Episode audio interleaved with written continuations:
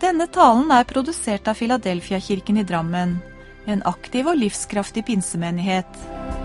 Vi ber om at det du nå skal høre, vil gi deg styrke og velsignelse i livet ditt.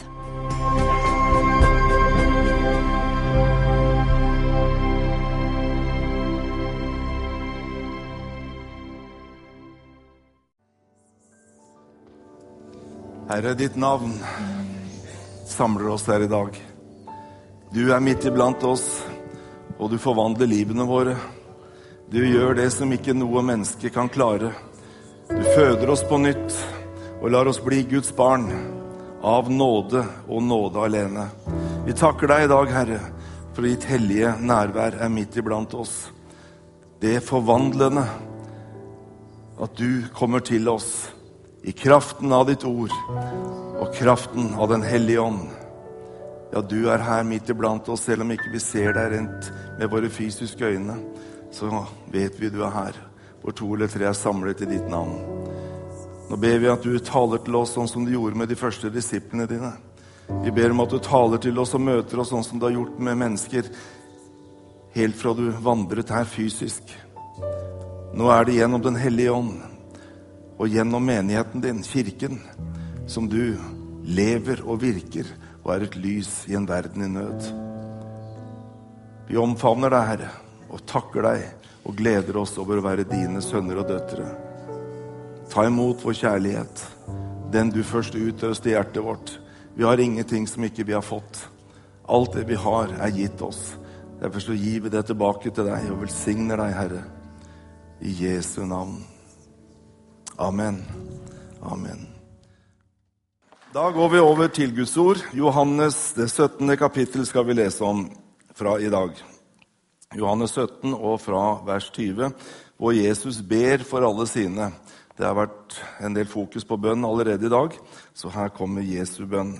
Jeg ber ikke bare for dem, men, for oss, men også for dem som ved deres ord kommer til tro på meg. Jeg ber om at de alle må være ett, slik som du, far, er i meg og jeg i deg. Slik skal også de være i oss, for at verden skal tro at du har sendt meg. Jeg har gitt dem den herlighet du har gitt meg, for at de skal være ett, liksom vi er ett. Jeg i dem og du i meg, så de helt og fullt kan være ett. Da vil verden skjønne at du har sendt meg, og du har elsket dem slik som du har elsket meg. Far, jeg vil at der jeg er, skal de som du har gitt meg være, være hos deg, så de får se min herlighet, som du har gitt meg, fordi du elsket meg før verdens grunnvoll ble lagt. Rettferdige Far, verden har ikke kjent deg, men jeg har kjent deg, og disse vet nå at du har sendt meg.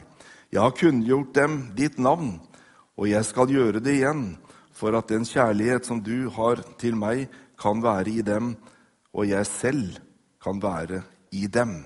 Amen. Jesus ber for enheten mellom alle troende. Og han gjør det her for all framtid, også for dem som ved deres ord kommer til tro på meg. Så det var ikke noe han bare ba om for de første kristne, men en bønn som gjelder så lenge vi er her. Denne enheten er ikke en organisatorisk, men en åndelig enhet. Jesus sier, 'Slik du, far, er i meg, og jeg i dem', slik skal også de være i oss. Hvordan vil denne enheten se ut i praksis, mon tro? Hvordan vil denne enheten arte seg om Jesus får bønnesvar? Om Jesus får svar på sin bønn, hva vil bli annerledes i Drammen by da? Det kan være vanskelig å ta inn over seg, men enheten i Kristus er av avgjørende betydning for misjonsoppdraget vårt. For at verden skal tro at du har sendt meg, at vi elsker hverandre, gir evangeliet troverdighet. Dette er den store utfordringen og har vært det i 2000 år over kloden vår. Kristne blir uenige for ingenting. Man blir uvenner for ingenting. Det skal ikke mer enn lite grann ting man ikke er helt enige om. Så sliter vi. Her hjelper Jesus oss til å forstå noe mye høyere. Jesus taler om en enhet som bærer med seg Guds herlighet. I vers 22 så kan vi lese denne herligheten du har gitt meg, har jeg gitt dem. Så den er gitt til oss for at de skal være ett, slik vi er ett. Det er ganske heftig. Vi er altså en del av Guds særlighet med det mål for øye at vi skal leve i en enhet. Og det er grunn til å merke seg begrepet 'slik vi er ett'. Og Jesus utdyper det her i vers 23. 'Jeg i dem og du i meg, så de helt og fullt kan være ett'. Jeg blir litt svimmel av tanken, og jeg erkjenner at jeg er ikke god nok predikant til å utbrodere dette, slik at vi sånn helt uten videre forstår det. Må Gud hjelpe oss. Men her snakker Jesus om et nivå som vi må ta inn over oss, og vi bør være nysgjerrig på det. For igjen så poengterer Jesus resultatet av å leve i denne enheten. Da skal verden skjønne at du har sendt meg, og at du har elsket dem slik som du har elsket meg. Da skal verden skjønne La oss aldri ta feil av dette. Den ultimate hemmeligheten til at verden vil gjenkjenne evangeliet og Guds kraft, evangeliet om Guds rike, er enheten, slik Jesus definerer den, blant Guds folk. Vi må forstå at kristenlivet det formidles ikke gjennom instruksjon, ved fortellinger, alene, men gjennom demonstrasjon. En demonstrasjon av Guds kjærlighet. Den vi fikk da Den hellige ånd ble utøst i hjertene våre. Vi har den ikke i utgangspunktet. Vi har i grunnen ingenting som ikke vi har fått. Det er bare det vi har fått, som vi gir videre, og som Bibelen taler om. Og Jeg har spurt meg selv mange ganger hvordan vil det se ut. De første kristne de kunne være uenige, de også. De kunne diskutere, de også. Og de hadde meningsutvekslinger. Vi må forstå at det er ikke det det er noe galt med. Likevel så slår det mot oss noe som langt overgår det vi ofte tenker på når vi snakker om ting vi ikke er enige om. I Apostelens gjerning 1,14 så leser vi alle disse holdt sammen i bønn. Det er dette vi snakker om. I kapittel 2 på pinsedagen da ånden falt over menigheten, står det da pinsedagen kom, var de alle samlet på ett sted. Igjen så tenker jeg ikke at alle kristne i Drammen må være sammen på ett sted. Jeg tror ikke det går, rett og slett. Jeg vet ikke om det er et poeng engang. Men det er noe i Skriften her som berører hjertene våre, hvordan omtaler vi andre brødre og søstre? Hva tenker vi om dem? Hva føler vi om dem? Mener vi at vi er litt bedre enn dem? Av alle de kirkesamfunnene som fins i verden i dag, er ikke de stort sett blitt etablert gjennom tidene fordi vi mener at vår lære er litt bedre enn det som var der fra før? Vår måte å gjøre det på er jo litt bedre enn det som var der fra før. Om ikke mye. At vi har kanskje i verste fall den rette lære, mens de andre har feil lære. Vi må tenke hva vi vil om alt det der. Jeg mener jo selv jeg også at jeg har den rette lære. Hadde jeg ikke ment det, så hadde jeg endra på den. Så det er et spenn her. Men vårt hjerte må aldri komme dit at vi innbiller oss at vi har det, og det er de andre stort sett som sliter. Det er sekterismen. Og det har holdt evangeliets kraft fanget mer enn vi liker å erkjenne. Det står om de første kristne i kapittel 2 og vers 46 i Apostlenes gjerninger. Hver dag holdt de seg trofast sammen på tempelplassen og i hjemmene, brød til brødet, og de spiste sammen med oppriktig og hjertelig glede. Det var noe de hadde her som gjorde at de elsket hverandre og ville være sammen. Vi lærer noe grunnleggende om Gud og vår relasjon til ham her. All velsignelse er basert på Guds godhet. Vi kan ikke tvinge Gud til noe som helst. En klok far lar seg aldri manipulere av barnas overtalelsesteknikker. Tro meg, det er lett å bli lurt. Å forstå dette vil hjelpe oss å ha tillit til Gud og ikke til vår egen rettferdighet eller tro. Ikke engang det reneste og beste mennesket iblant oss kan gjøre seg fortjent til noe som helst. Ja, men da er det vel bare å leve på, da? Nei, Paulus sa det samme. Det er vel bare å fortsette å synde, da, så nåden kan bli enda større. Du har aldri hørt en skikkelig nådeforkynnelse som ikke du tenker de tankene der. Men de er farlige, så Paulus strammer inn med en gang og sier slett ikke vi som døde bort fra synden. Hvordan skal vi fremdeles leve i den? Men litt mer. Omvendelse det er ikke en fortjenelsesfull prestasjon.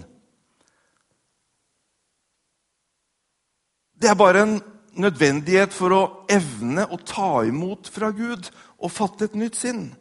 Det skjærer seg uten det. Det blir en kognitiv kollisjon med en gang om ikke sinnet vårt fornyes etter Guds hellige ord. Men det er ikke sånn at hvis vi omvender oss litt til, så kan vi regne med å få bønnesvar. Det er feil spor. Og nå skal jeg også si noe litt farlig. Jeg håper jeg greier det. altså. Men du ser så skarp ut, så jeg tror det går bra. Ikke engang bønn forplikter Gud slik som vi vanligvis tenker på forpliktelse. Som om Gud skulle stå til en slags gjeld til oss. For vi har jo bedt så mye. Av og til så sier vi når noe er veldig viktig ja, vi må be mye nå. Ja, vi har ikke bedt nok, tenker jeg. Så det er vel derfor vi ikke har brutt igjen noe mer. Når er det å be nok? Det er bare én som er nok, og det er El Shaddai. Det hebraiske navnet på Gud, den allmektige som også kan oversettes Gud som er mer enn nok. Jeg vet hva vi legger i det når vi sier vi må be mye, så jeg skal ikke være sånn kverulant her nå. Jeg er jo redd for at bønnemøtene skal tømmes. Men de blir i hvert fall tømt hvis du tror at du må be nok for at Gud skal gidde å høre på deg. Vi må forstå at Gud hører bønn fordi han er god, og ikke av noen annen grunn.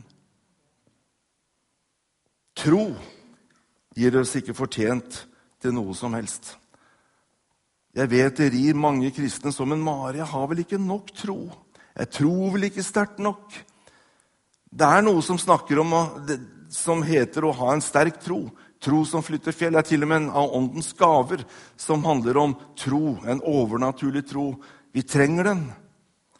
Det jeg snakker om nå, ligger på en litt annen frekvens, og jeg tror du er i stand til å forstå den. Tro gjør oss ikke fortjent til noe som helst. Troen er ganske enkelt en tillit til Guds godhet. Framfor min egen prestasjon og godhet så kan jeg hvile i Gud. Når denne sannheten går opp for oss, så blir våre liv forvandlet. Når denne sannheten går opp for oss, så forvandles gudstjenestene våre. Når den sannheten virkelig går opp for oss, da vil vi elske og be til ham uavlatelig. Det er denne nagende, loviske kraften.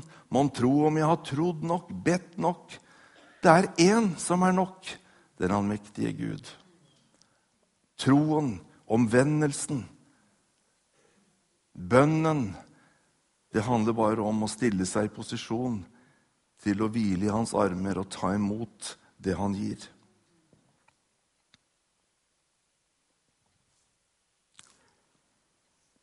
Guds storhet, det skaper Guds frykt. Guds godhet oppmuntrer oss til å ikke være redd for ham. Å frykte Gud uten å være redd for ham, det er troens paradoks. Å ikke kjenne Gud har jo sin pris, noe som på sikt gjør kristenlivet kjedelig og overfladisk. Av og til så kan vi høres ut som selv, den selvsikre farao som sier i 2. Mosebok 5 vers 2.: Hvem er Herren, som jeg skal lyde og la Israel fare? Jeg kjenner ikke Herren, og jeg vil ikke la Israel fare. Hvor ofte er vi ikke der? Jeg vet hva som er godt, og jeg vet hva som er sant, men jeg vil ikke. Fordi vi tenker med følelsene våre, og så bruker vi hjernens resonnement, analyse og forstand for å rettferdiggjøre valgene våre. Og så plasserer vi oss selv på sidelinjen. Uvitenhet om Guds personlighet, mangel på disippelskap og lydighet når det passer oss best selv, passivitet og kompromisser har utarmet Guds folk. Vi gjenkjenner det ved at kristenlivet blir kjedelig. Det blir tamt og flatt og overfladisk og stadig mer fylt av aktivitet Akkurat som Martha, som måtte gjøre og gjøre og gjøre og gjøre, og ble så ergerlig på Maria, som hadde valgt en gode del og satt seg ned ved hans føtter. Det er en dimensjon her vi trenger å ta tilbake igjen. Vi er smarte nok til å skjønne at ikke vi bare skal sitte. Jeg tror alle vi skjønner det.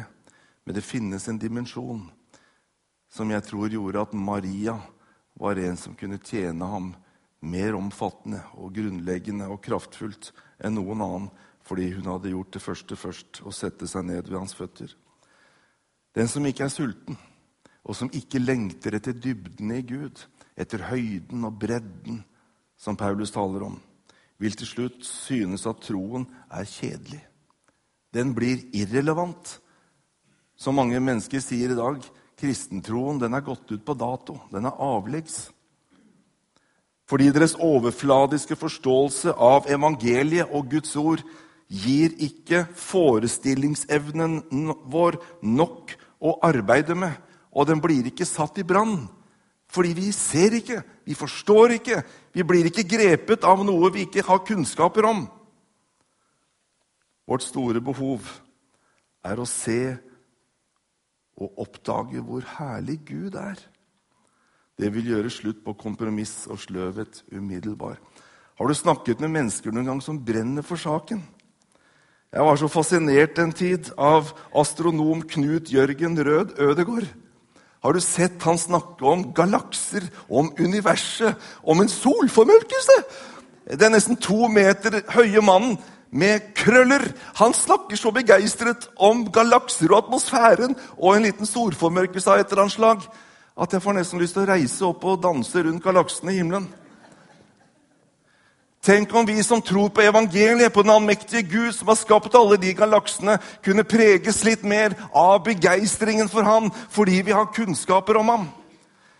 Jeg har en venn, Erik Jensen. Han brenner sånn for skapelsen. Når du setter han i gang med å snakke litt om hvordan Gud skapte verden, så er det bare å trykke på en knapp, så er det seminaret i gang.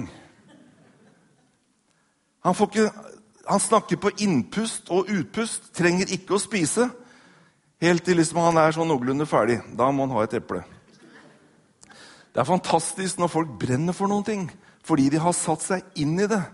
De har kunnskaper og har innsikt. To av Jesu disipler var kalt for tordensønnene. Det er ikke noe sånn veldig tiltalende. Kranglefanter, kan vi kalle det på norsk, kanskje. De var ikke gode i det hele tatt. Da de litt, fikk litt motgang i den evangeliske tjenesten, så ville de be Jesus byde ild falle ned fra himmelen og fortære folk. Det er ikke noe sånn særlig bra evangeliserende effekt. Så Jesus måtte ta litt tak i dem. Men eh, Johannes, som var en av dem, etter å være sammen med Jesus en stund, så blir hans liv forvandlet. Han eh, ble en av de fremste apostlene. Han kaller seg selv den disippelen som Jesus hadde kjær. Han var med å vekte opp Jairus' datter. Han var med på Forklarelsens berg. Han var en av Jesu nærmeste venner. Han fikk åpenbaringene på Patmos, som utgjør Johannes' åpenbaring. En av de bøkene jeg fremdeles har et par ting jeg ikke skjønner helt.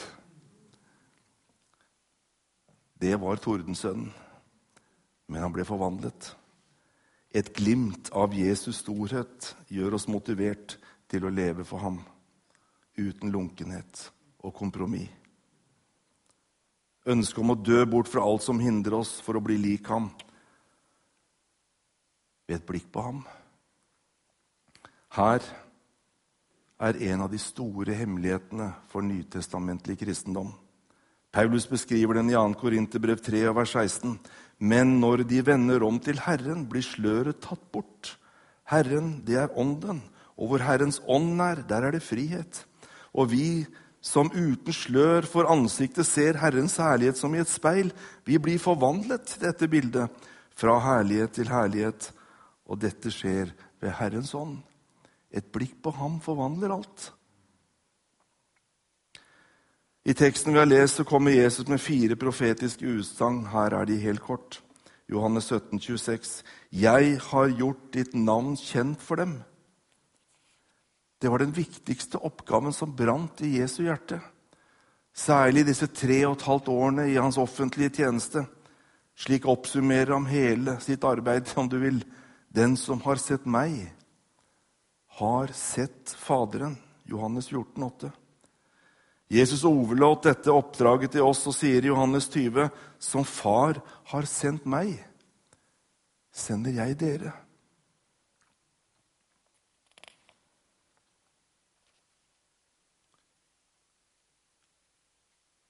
Det andre han sier, 'Jeg skal fortsatt gjøre det'. En av de fremste oppgavene for Jesus gjennom Den hellige ånd i dag er å avdekke Faderens inderlige kjærlighet til sitt folk. Faderens lengsel etter deg og meg og etter menigheten sin og verden som ikke kjenner ham. For Før Jesus kommer tilbake, så vil han hente en brud som har gjort seg rede. Det er fars store drøm å sette menigheten i stand til å leve i fylden av ham.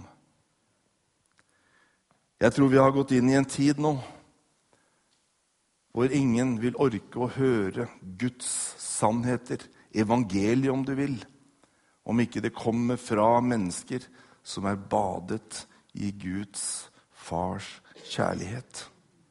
Like som Faderen har sendt meg.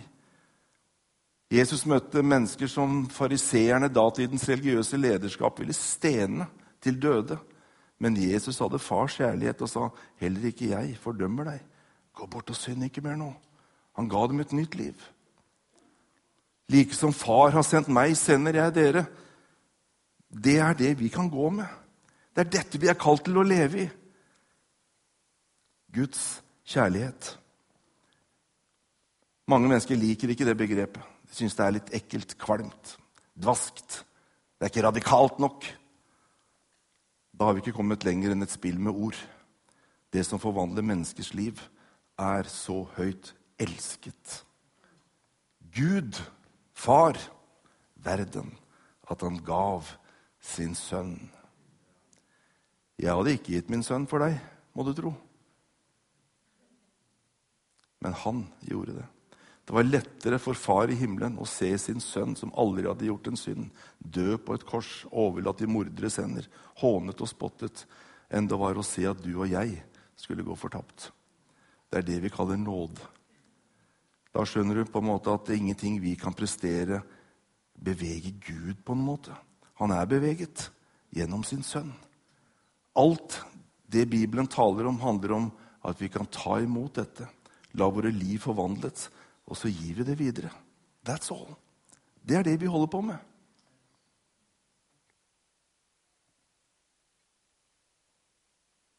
Det tredje er for den kjærligheten du har hatt til meg, kan være i dem. Det er dette Jesus holder på med den dag i dag. For at den kjærlighet du har hatt til meg, kan være i dem. Den kjærligheten Jesus opplevde fra far, at den kjærligheten kan være i oss. Når Jesus viser oss dybdene i Guds hjerte, så ser vi Gud på en ny måte. Vi får et annet liv. Det som vi ser, påvirker øynene våre. Et blikk på Hans herlighet forvandler vårt liv. Det er umulig å bli den samme. Det er en evne vi har fått. Det er så enkelt som hvis jeg sier til deg Kan dere være så snill å ikke tenke på dette glasset, vær så snill? Hvem av dere klarer å ikke tenke på dette glasset? Det går ikke, det, vet du. Du har sett det. Jeg kan gjemme det og si 'det er ikke her, det er ikke her', det er ikke her.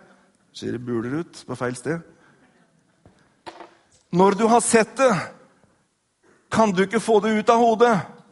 Du blir grepet av det. Det du ser, forvandler livet ditt. Å se Hans herlighet, møte et blikk, det blikket som har øyne som flammende ild, som brenner seg inn i oss, som har et budskap Guds evige, uforvandlige kjærlighet inni oss, som gjør at vi går fra død til liv. Det er det som forvandler mennesker. Du trodde kanskje at en traktat gjorde det. I beste fall så åpner den folks øyne for å se det vi snakker om nå. Du trodde kanskje at din overtalelseskunst om at de burde bli med og være enig i deg og ha det samme dåpssyn som deg og være enig i menighetssynet ditt og i det hele tatt Det ligger på et helt annet plan. Et blikk på ham forvandlet Peter. Selv når Peter hadde ødelagt alt og fornektet Jesus tre ganger. Det som forvandlet ham, det var da han møtte Jesu øyne. Og han skjønte hva han hadde gjort. Og Jesus kunne ha gjort det som mange kristne tenker, at nå får han steke litt i eget fett. Etter det nederlaget der. Makan. Etter tre år på bibelskole så kanskje vi kan bruke den igjen som en menighetstjener eller noe. Men Jesus hadde i grunnen tre enkle spørsmål. Det var 'Elsker du meg?' Ja, jeg elsker deg. Ja, elsker du meg? Har du meg kjær? Peter ble litt sånn Ja, Herre, du vet jeg har deg kjær. Han følte seg ikke trodd. Men det var viktig for hans opprettelse. Han har fordektet Jesus tre ganger. Og for å bli gjenopprettet så måtte han bare bekjenne sin kjærlighet som Jesus visste han hadde. Ja, du vet jeg har deg kjær. Og For tredje gang så spør Jesus elsker du meg mer enn disse. Så peker han på alle disse fiskene. Peter var jo fisker. ikke sant? Så det han egentlig spør om, det er elsker du meg mer enn yrket ditt. Karrieren din. Elsker du meg mer enn alt dette? Ja, Herre, du vet! Jeg har deg kjær. Ah, Fø mine land. Du skal bli verdenshistoriens første pastor. Come on! Ingen straff, ingen hevn, full gjenopprettelse. The race is on. Dette er vår Gud.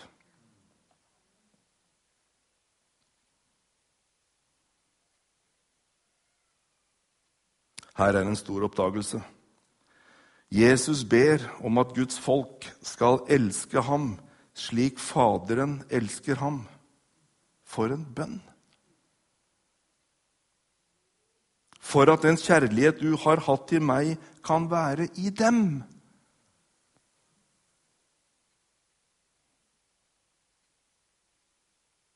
Tyngst på Guds hjerte ligger at Kirken, du og jeg, skal bli fylt av brennende kjærlighet til Hans Sønn.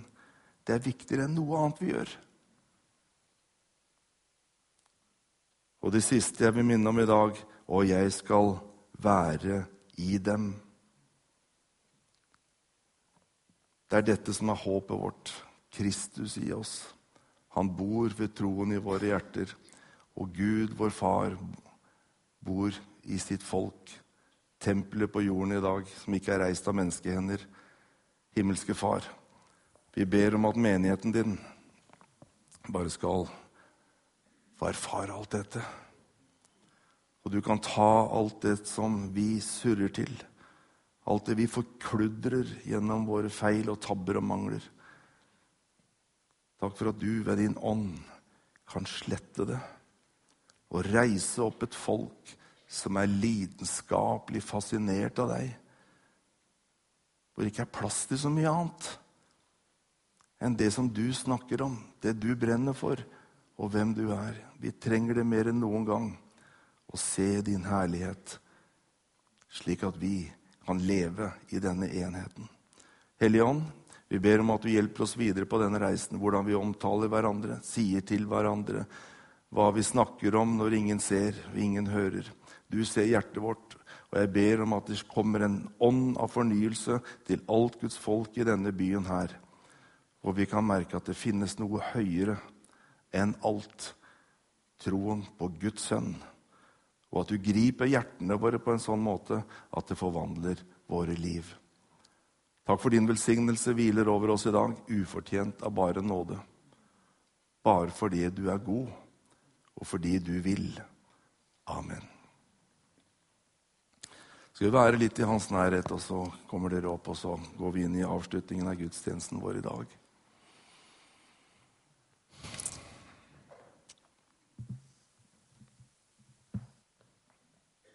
Om vi kunne gi slipp på det. Tanken på å være annenrangs, ikke få det til, kunne gi slipp på å ikke være god nok. For det er bare én som er god. Selv Jesus sa det er bare én som er god. Det er far. Men vi lener oss i hans armer i dag, og han sier, 'Kom til meg, alle som strever og være tunge byrder, og jeg vil gi dere hvile'. Jeg tror Den hellige ånd vil åpenbare for noen her i dag på en spesiell måte at det er nok, det Jesus gjorde. Det holder, det han gjorde.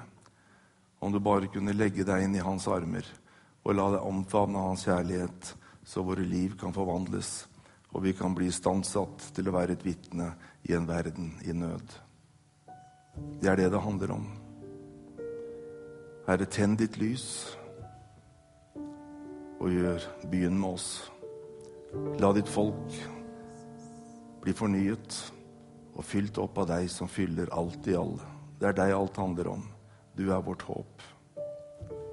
Ta imot, Herre, det du har gitt oss allerede. Det gir vi tilbake til deg nå i dag.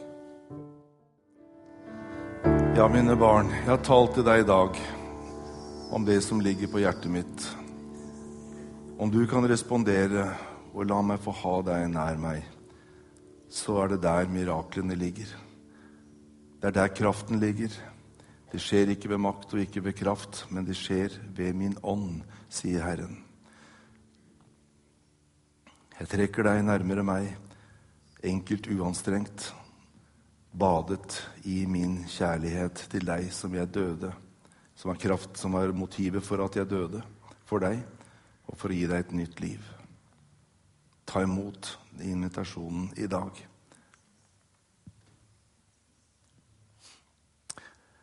Og i Jesu navn, med den autoritet Gud har gitt meg, så kjenner jeg at i dag vil jeg bare bryte åket av ikke være god nok, ikke strekke til, ikke be nok og ikke være nok, og alt det som ligger i det sjiktet der.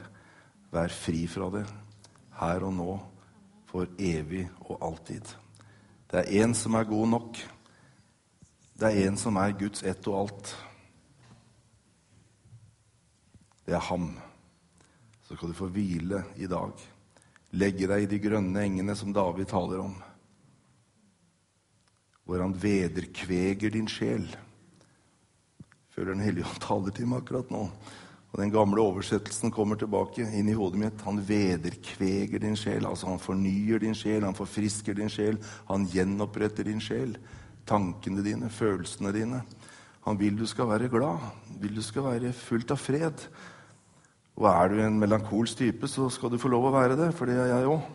Det er ikke sånn at vi alle skal bli sangvinske, high level med masse volum og sånn. Han elsker deg, og har skapt deg akkurat slik som du skal være. Og det er bra nok. Men du skal være fri fra den byrden av selvpålagte gjerninger. Det er ikke nødvendig, det er bare noe herk. Og i Jesu navn gi slipp på det. Her og nå. Gi slipp på det nå. La svetten dette av. Det er unødvendig å tjene Gud på den måten. Så i ditt navn, far, så ber jeg for denne kirken her i dag, med den myndigheten du har gitt meg, men fremfor alt i ditt navn, som er det navnet vi trenger. Det navnet som er over alle andre navn, som gjør at himmelen lytter, helvetet skjelver, og omstendigheter endres når vi nevner ditt navn. Så i ditt navn, Herre, så forløser jeg glede, fred og glede i Den hellige ånd. Frihet til å være den Gud skapte deg til å være. Frihet til å omgås ham som sønn og datter av Gud. Frihet til å kjenne gleden bruse. Frihet til å sørge når du er lei deg og trenger å bearbeide sorgen, så vil han være hos deg også da. Og frihet til å omfavne, frihet til å velge under ansvar, som voksne, modne mennesker gjør. Kom, Hellige Ånd. Vi gleder oss. Amen. Og jeg taler til et folk som har vært tro i det du har fått. Som har vært tro i det som menneskelig sett kan virke lite. Men Herrens ånd sier, 'Jeg vil sette deg over det som er større'. Gi etter for mitt kall når jeg taler til deg, for det vil bære. Jeg vil forløse din tro, slik at du skal våge å gå. Og det vil være som jeg har sagt tidligere, i Skriften. Det var som om han så den usynlige, og derfor holdt han ut. Et blikk på ham forvandler det. Jeg vil sette menigheten over det som er større, fordi du har vært tro i det du har velsignet med. Så vil Herren forøke for å være et redskap for en verden i mørket, et lys som skinner og peker på ham. I Jesu navn. Å, Herre. Mm, la ånden berøre deg. Vi må av og til tillate oss å ta litt tid om Den hellige ånd skal få berøre. Ikke fordi han er så sen, men det kan ta litt tid for oss av og til å respondere. Jeg avslutter ikke møtet i dag før jeg føler at jeg kan gjøre det. Herren er virksom her akkurat nå. Og han salver og fornyer. Han salver og fornyer. Ta imot ham. Jeg hører inni meg at noen er bekymret for barnet ditt. Jeg ønsker ikke å komme med en sånn lettvint løsning om at alt er vel. Det er en kamp. Men det finnes en som ber for deg. Så koble deg på ham. Og ditt barn er i trygge armer. Ditt barn er i trygge armer. Vær ikke urolig, men fest din lit til Ham som har omsorg for deg. Og han har gitt sine engler befaling om å leires omkring deg og barnet ditt.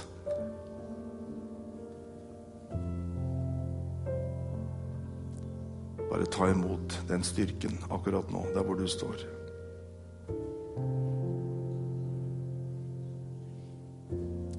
Jeg hører her at noen er bekymret for økonomien din.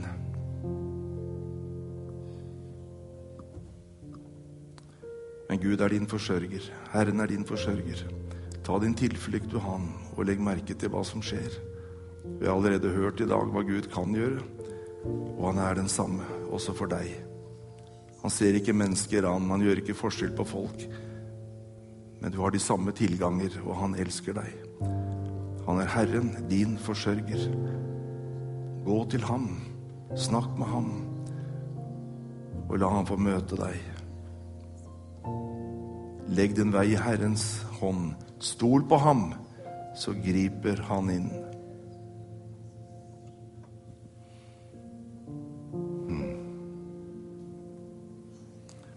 En siste setning som jeg får i dag, er at dette møtet er ikke over når vi avslutter om et lite øyeblikk. Du kan bære ordet, kraften, Guds nærvære med deg, og det vil aldri forlate deg, fordi han sier 'Jeg er med dere alle dager inntil verdens ende'. Hm, det kommer en setning til. Hvordan skal det være mulig, hører jeg deg si. Det kommer to svar. Alt er mulig for Gud. Og det kommer et til. Alt er mulig for den som tror. Og Tolkningen på det er ganske enkelt, som Paulus sier. Jeg vet på hvem jeg tror. Og er det mulig for Gud, så er det mulig for den som tror på ham. Han skal gjøre det. Amen. Talen du nettopp hørte, er produsert av Filadelfia-kirken i Drammen. Du kan laste ned flere taler fra vår internettside filadelfiadrammen.no. Filadelfia-kirken i Drammen er en aktiv og livskraftig pinsemenighet. Ønsker du mer informasjon, er du velkommen til å kontakte oss.